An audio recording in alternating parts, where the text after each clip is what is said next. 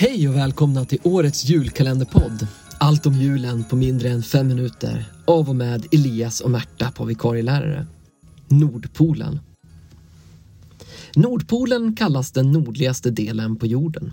Till skillnad från Sydpolen, som ligger på jordens sydligaste del, befinner sig inte Nordpolen på någon landmassa. Nej, Nordpolen ligger mitt i havet.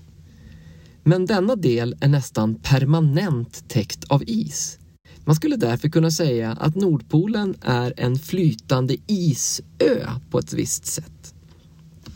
Ett annat namn på Nordpolen, ismassorna och havet och det land som ligger där runt omkring, det är Arktis. Det ska man inte blanda ihop med samma område kring Sydpolen som kallas för Antarktis. Havet som Nordpolen ligger vid är på vissa ställen extremt djupt. Det kan mäta upp till mer än 4000 meter djupt och det är riktigt djupt det. Från mars till maj så råder midnattssol. Det betyder att solen aldrig går ner. Sen inträffar den så kallade polarnatten på Nordpolen. Den inleds med en skymning som varar i sex veckor. Därefter följer tre månaders totalt mörker.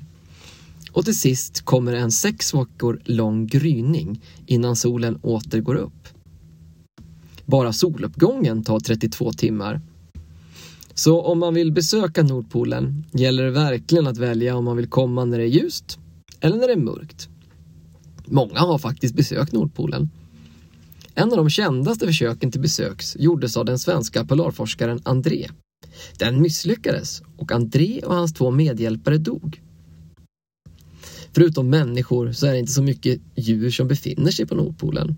Man har sett spår utav isbjörnar, vikare som en slags säl, samt fjällrävar i närheten av Nordpolen. Men det är oklart om de har kommit ända fram. Samma sak gäller med fiskar. Man har sett en hel del fiskar, men det är inte så många egentligen.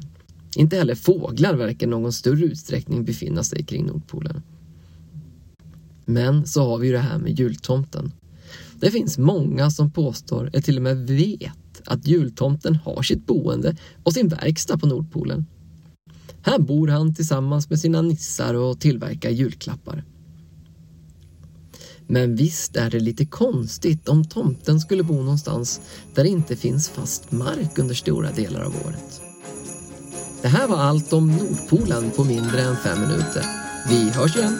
Hej då!